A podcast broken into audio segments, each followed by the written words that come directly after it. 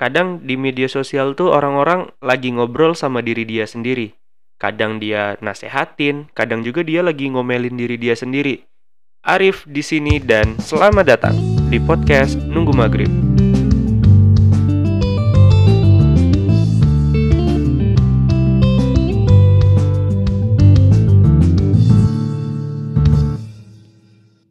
Halo, tadi gue mulai dengan tulisannya Boy Chandra dia pernah bikin tweet itu beberapa minggu yang lalu gue simpen dan gue ngerasa iya betul banget bahwa orang-orang di media sosial kadang lagi ngobrol sama diri dia sendiri.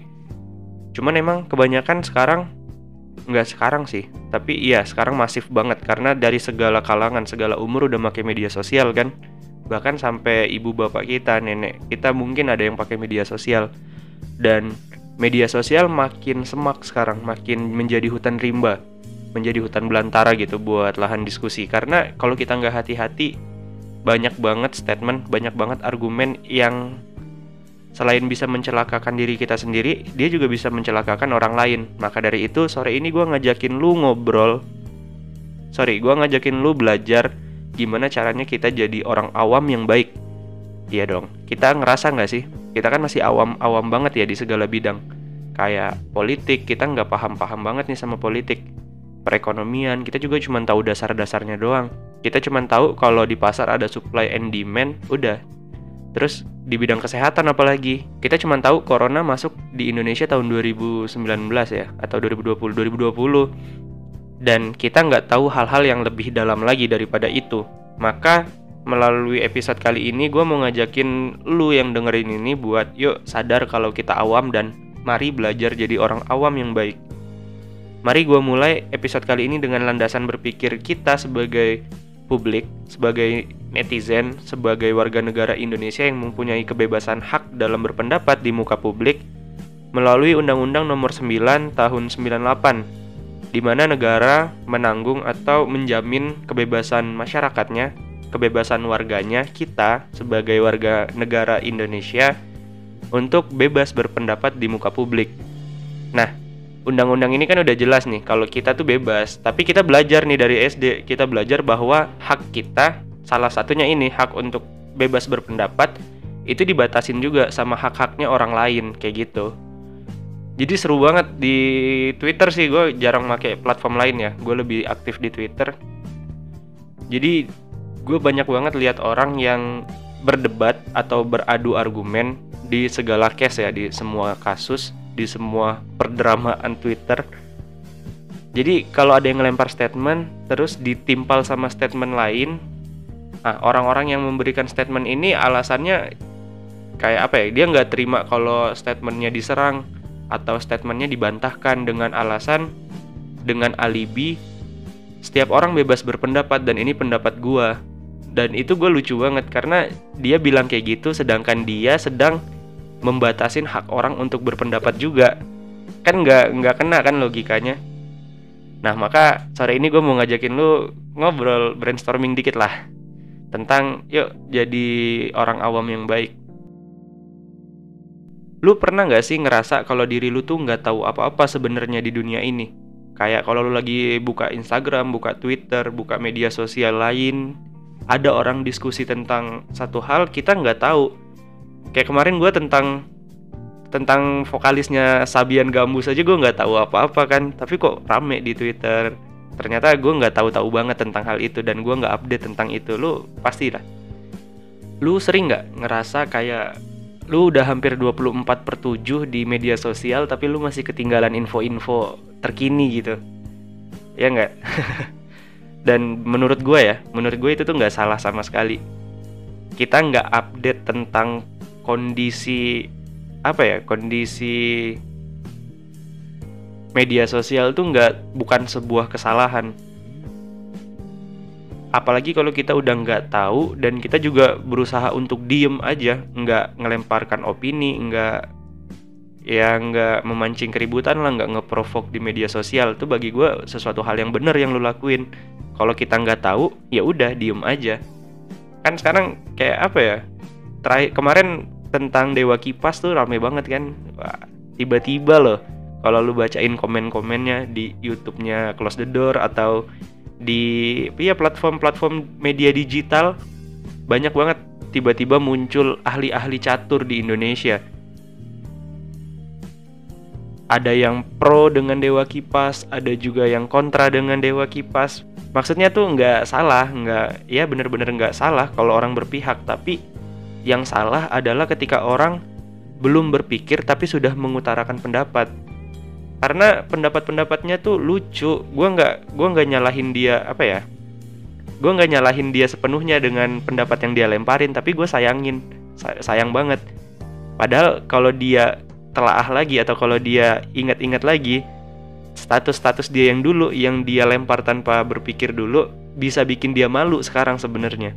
Ya kayak status-status lu kalau lu bikin sesuatu hal tentang publik ya sesuatu hal tentang kejadian di publik lu lemparin tanpa ada landasan berpikirnya atau tanpa ada dalilnya gue yakin kalau lu baca lagi sekarang lu malu deh pernah ngelemparin itu. Coba aja. Kan banyak tuh kemarin drama-drama di Indonesia kan mulai dari awal tahun di ke, mulai dari kepulangan seseorang yang spesial katanya. Itu kan rame tuh opini-opini publik dilempar di medsos. Ada yang pro ada yang kontra. Nah yang paling lucu gue ngebayangin kalau ada orang yang bikin tulisan gak jelas.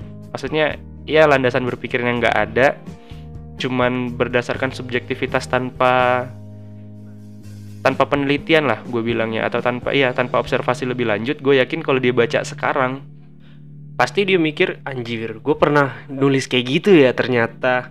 Gue dulu ih kayaknya kayak gitu.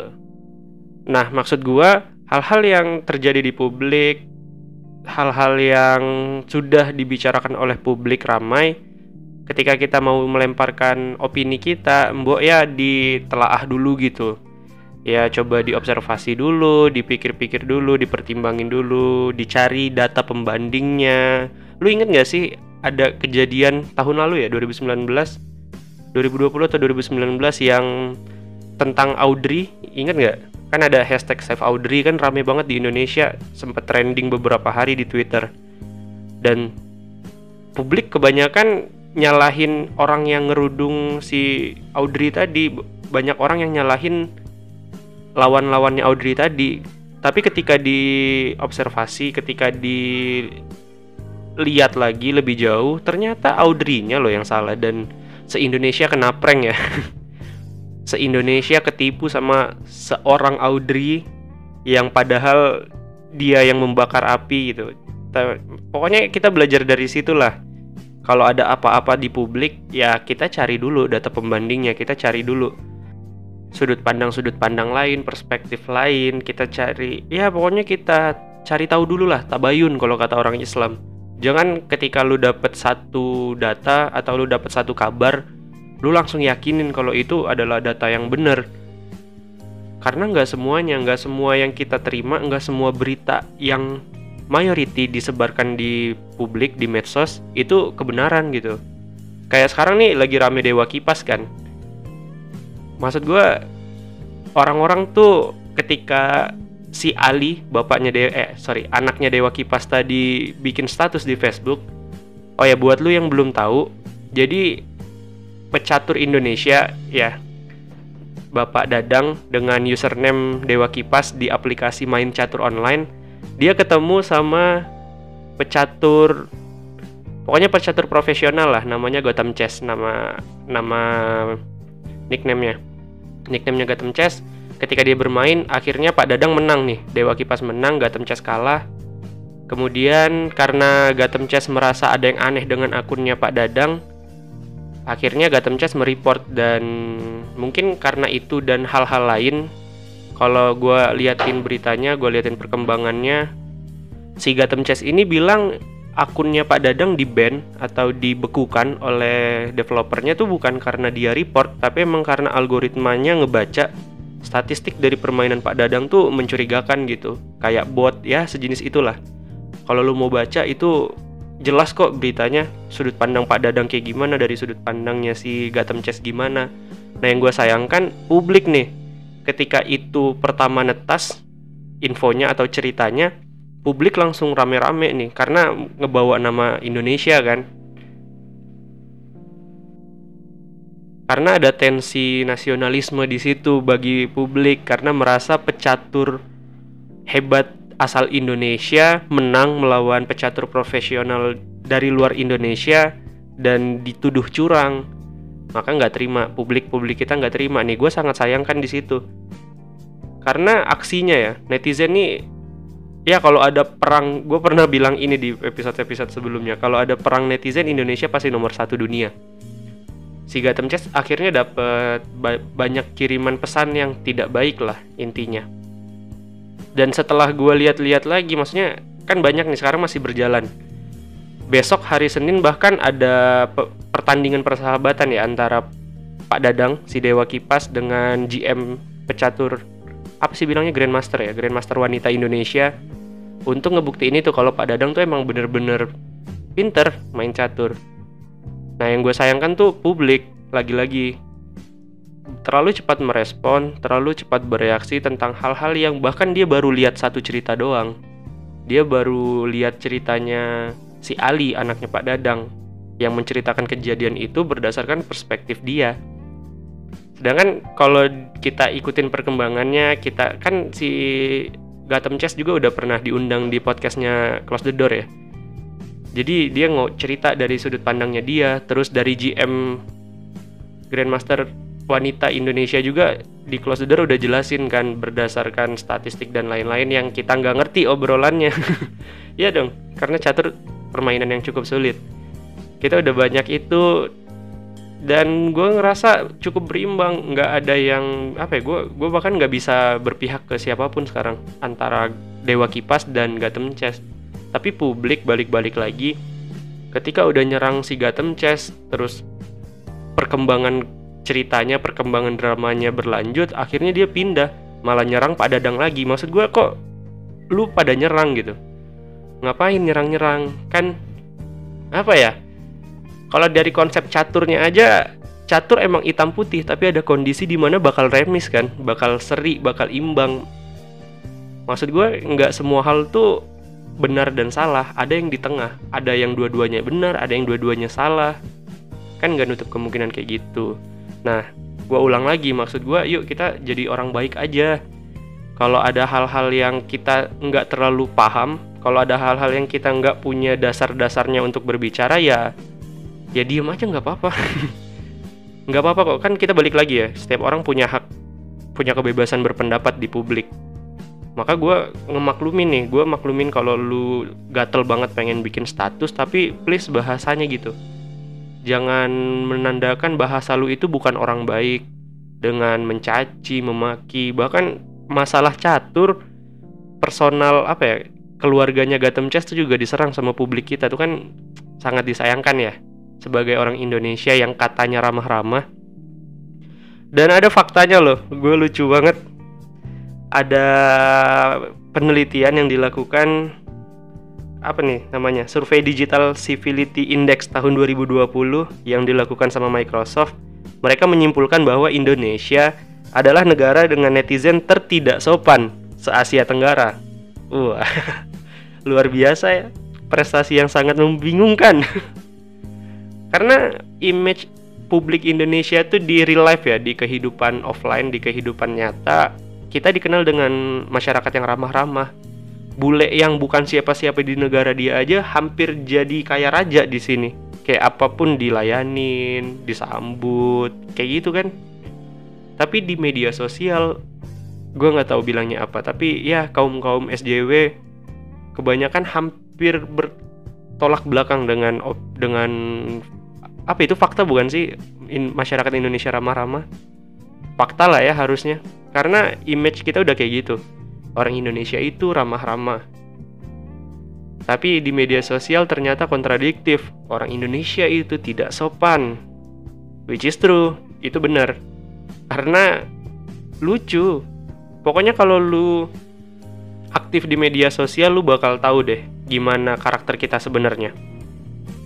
Dan mari kita coba tinggalkan hal-hal yang luas tadi. Itu kan luas ya, karena kita berbicara tentang publik, kita berbicara dengan interaksi secara luas di media sosial Indonesia.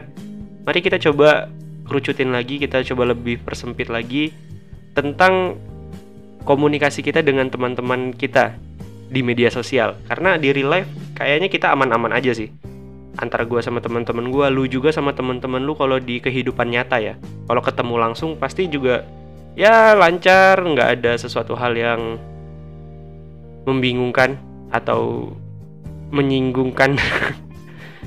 nah, gue mau nyorotin ini karena kemarin banyak banget sempet ya sempet banyak yang nulis tentang bahwa yang kata Boy Chandra tadi, kadang orang-orang di media sosial itu bercerita tentang dirinya sendiri, berbicara ke dirinya sendiri. Kadang dia marah, kadang dia kesel, kadang dia ya semuanya yang dia keluarkan tuh bukan buat orang lain, kebanyakan buat diri dia sendiri.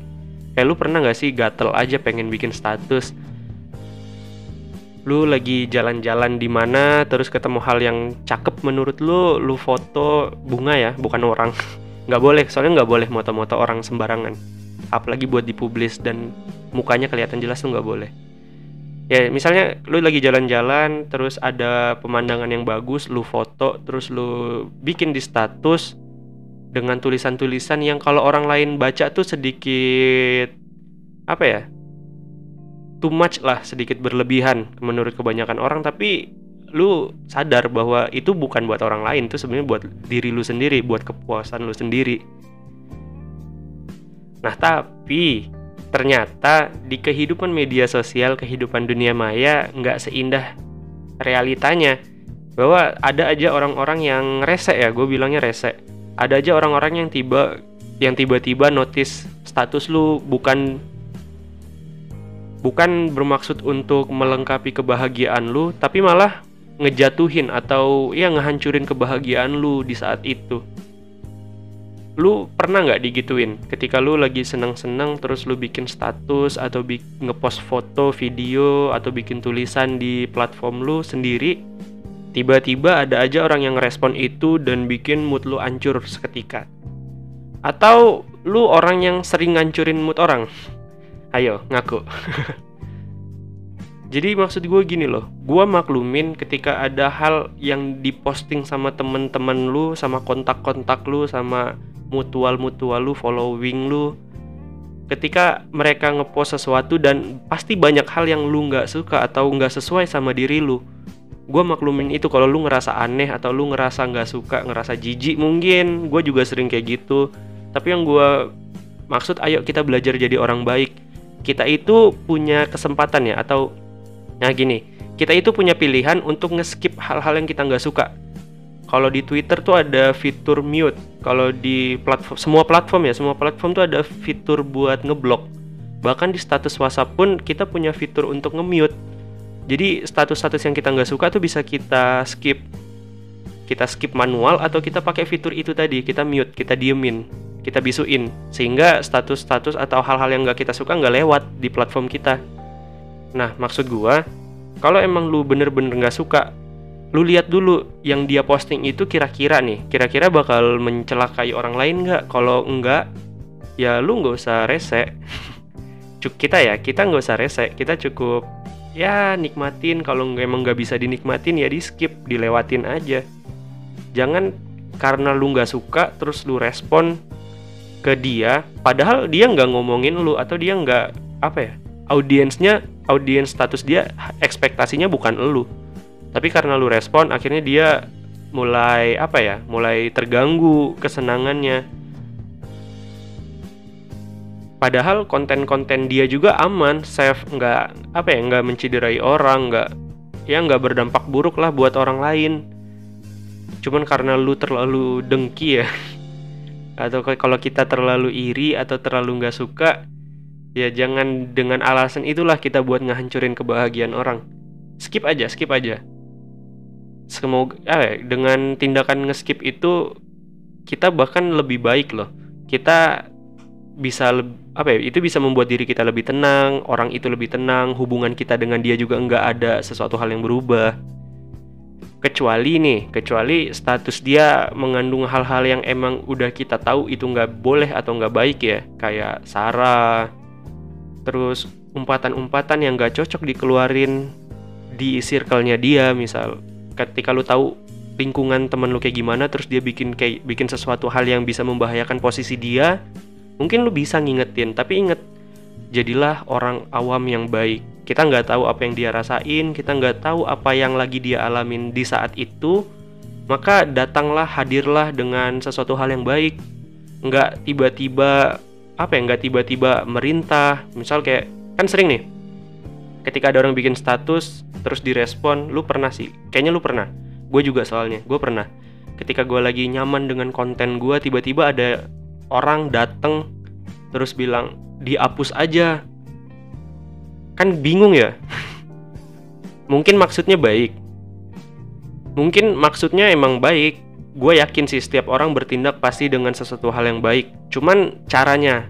Makanya gue bilang tadi hadirlah deng hadirlah sebagai orang yang baik. Jangan tiba-tiba muncul sebagai orang yang membingungkan. Kayak gitu kan gue bingung responnya. Akhirnya gue respon dengan yang ada di otak gue akhirnya komunikasinya jadi gagal. Dalam artian di guanya nggak enak di dianya juga nggak enak gitu.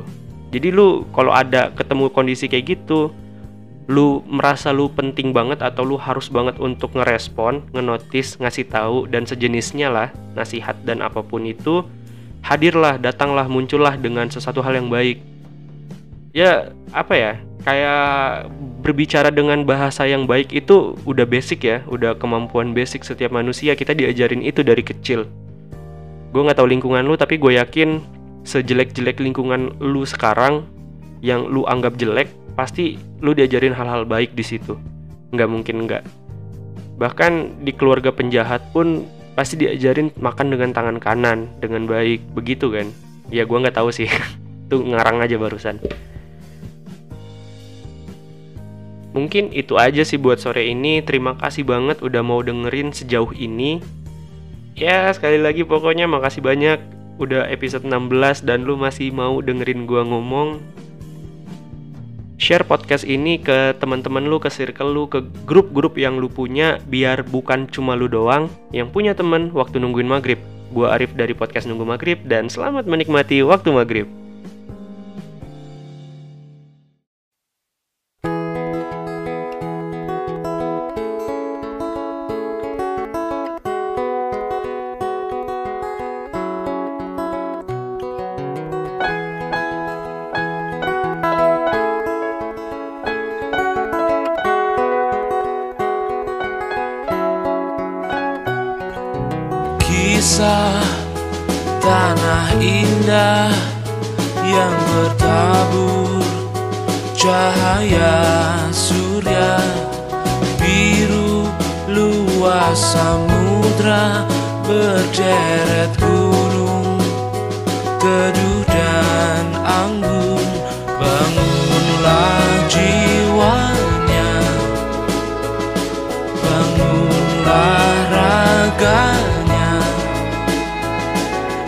Kesedihan sirna Semua bahagia.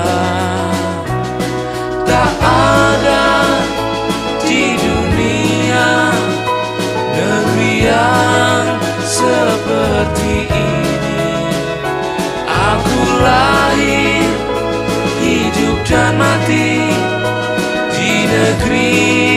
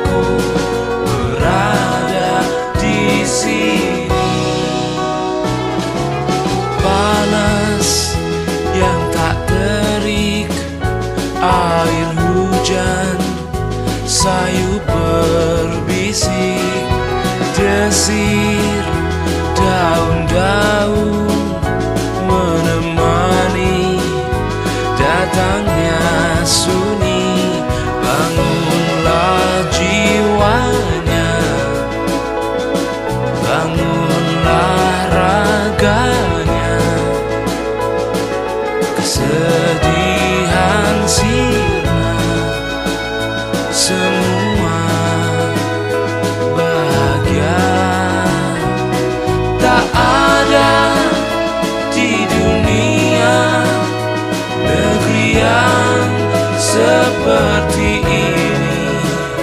Aku lahir dan mati di negeri terindah di bumi. Beruntunglah